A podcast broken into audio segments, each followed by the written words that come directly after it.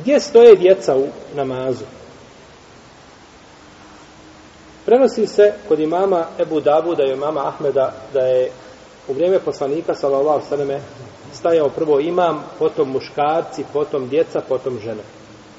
I ovo je poznato, znači, a, jeli, kod naroda ispominje se, znači, prvo muškarci, pa žene, pa djeca.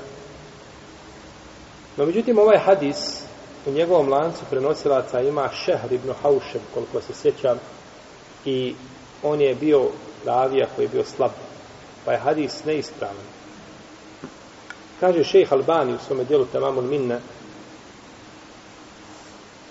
kaže što se tiče stajanja djece iza ljudi u sap poseban, kaže ne vidim ni jednog drugog hadisa u sunnetu osim ovoga. A on ne može biti dokaz, zato što je zato što je slab. Pa nema, kaže, smetnje da djeca staju sa muškarcima u saf. Da staju, znači, skupa sa njima u saf, našto ako ima dovoljno mjesta i ovo je mišljenje zaista ima svoje mjesto. I šeh Albani, iako nije bio klasični fakir, kao da smo ibn Sejmin, međutim, kada odabere neko od mišljenja, zaista ima svoju težinu. A to što je čovjek život svoj proveo sa sunnetom poslanika sallallahu alejhi ve sellem. I teško je odgovoriti i teško je pobiti ovaj stav. Hadis je slab. Stavljanjem djece iza ima belaja koje svi znamo i upoznati smo sa njima. A djete kada stoji pored tebe uči se ispravno namazu, tako? Vidi tebe kako klanjaš, oponaša tebe kako klanjaš. Jer djete gleda ko je do njega, ko je sa njim.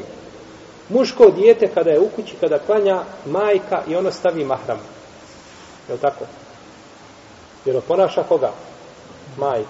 Babo ili često odsutan ili ga ne vidi, pa onda oponaša majku. E tako isto u džami. Oponaša i vidi onoga ispred sebe kada klanja, uradio je određeni sunnet.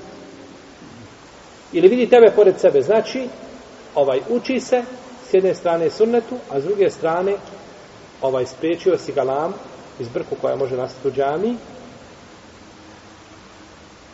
I treća stvar, uči se, znači, dijete da bude malo, ali da bude ozbiljno.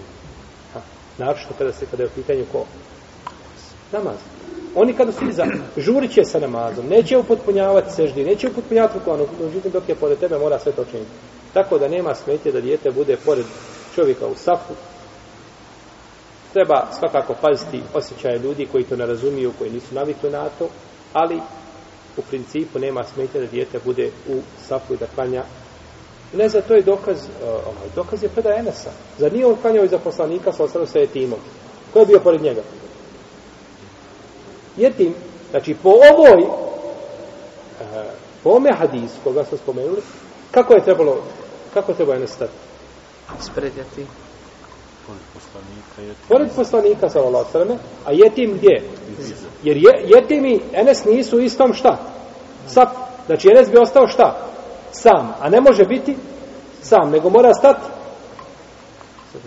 sa desne strane imama. U istu ravninu. Potom bi dolazio jetim sam u sap i nakon toga dolazi ko? Umu Sulejmu. Znači, a, i ome hadisu ne odgovara šta hadis Šehra ibn Haušeba i ovaj poredak. Tako da je Allah da, da nema argumenta za tu posebno. Ne smeta, ne bi smetalo staviti, znači, djecu poseban šta? Sad, ne bi to smetalo. Kada bi se moglo, kada bi se mogli ispuniti šartovi ili očekivane ili želje. No, međutim, to su, to se rijetko dešavaju.